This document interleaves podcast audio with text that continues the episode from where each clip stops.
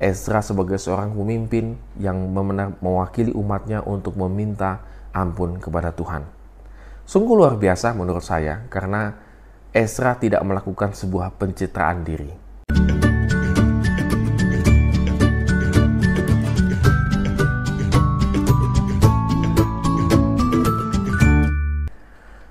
Morning Good Readers, hari ini kita kembali merenungkan firman Tuhan yang diambil dari Esra pasal 9 ayat 1 sampai dengan yang ke-15. Tetap semangat untuk membaca firman Tuhan. Good Readers, biasanya kalau kita sudah mencapai sesuatu hal yang kita inginkan, maka semangat kita menjadi agak sedikit kendor gitu ya. Atau kita sudah mencapai sesuatu atau achievement ataupun sudah mendapatkan, maka sebenarnya kita sudah tidak lamp, tidak terlalu lagi fokus untuk berusaha dengan sangat keras.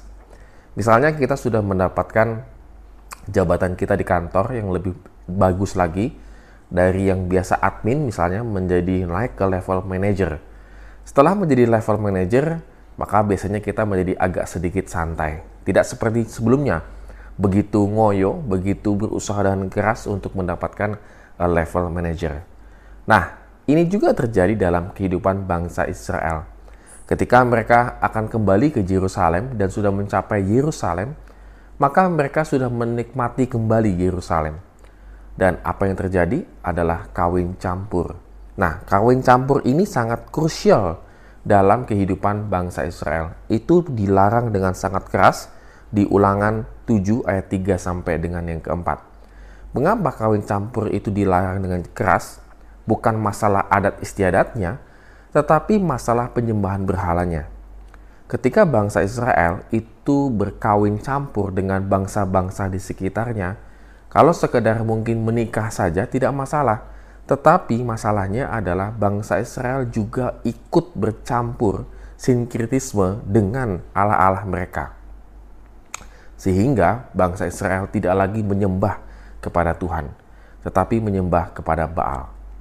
Dan yang cukup menyedihkannya, hal ini terjadi juga di level topnya para pemimpin bangsa Israel dan dan sampai mencapai ke rakyatnya. Jadi good readers kita lihat di sini bagaimana Esra itu begitu berkabung dan dia benar-benar meminta pengampunan kepada Tuhan di ayat yang ketiga sampai yang kelima kita bisa melihat hal itu. Dan pada ayat yang ke-9 sampai yang ke-15 jelas dia mengungkapkan doa yang dipanjatkan Esra untuk mewakili bangsanya kepada Tuhan.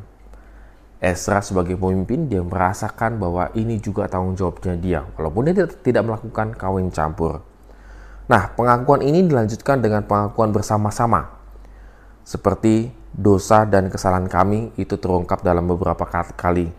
Dan secara pribadi, Esra mengakui kesalahan umat kemudian mengajak umat untuk melihat betapa seriusnya perbuatan dosa mereka. Jadi good readers kita bisa melihat di sini bagaimana Ezra sebagai seorang pemimpin yang mewakili umatnya untuk meminta ampun kepada Tuhan. Sungguh luar biasa menurut saya karena Ezra tidak melakukan sebuah pencitraan diri. Ezra bisa saja tidak mau bersusah-susah, bercapek-capek ria begitu ya, mengakui dosa atau meminta ampun kepada Tuhan atas dosanya Israel. Dia bisa saja tetap ya santai gitu ya dia, dia tetap saja ya sudahlah itu urusan kalian kira-kira demikian tetapi Esra tidak dia ingin menyelesaikan masalahnya dengan mengakui dosa-dosanya di hadapan Tuhan untuk mewakili bangsanya. Good readers, apa yang bisa kita lihat dari sini adalah ketika kita mengakui dosa kita, maka selesailah masalah itu. Ada begitu banyak masalah-masalah yang tidak selesai dalam kehidupan kita karena kita tidak mau mengakui, apalagi bicara tentang dosa kita tidak mau mengakui karena bagi kita hal itu menjadi ribet dan pencitraan diri kita menjadi jelek. Hari ini kita belajar good readers mengakui dosa di hadapan Tuhan, maka masalah-masalah kita menjadi selesai. Mari kita renungkan firman Tuhan hari ini. Semoga itu menjadi kekuatan dan pengharapan di dalam kehidupan kita. Amin. Have a nice day and God bless us.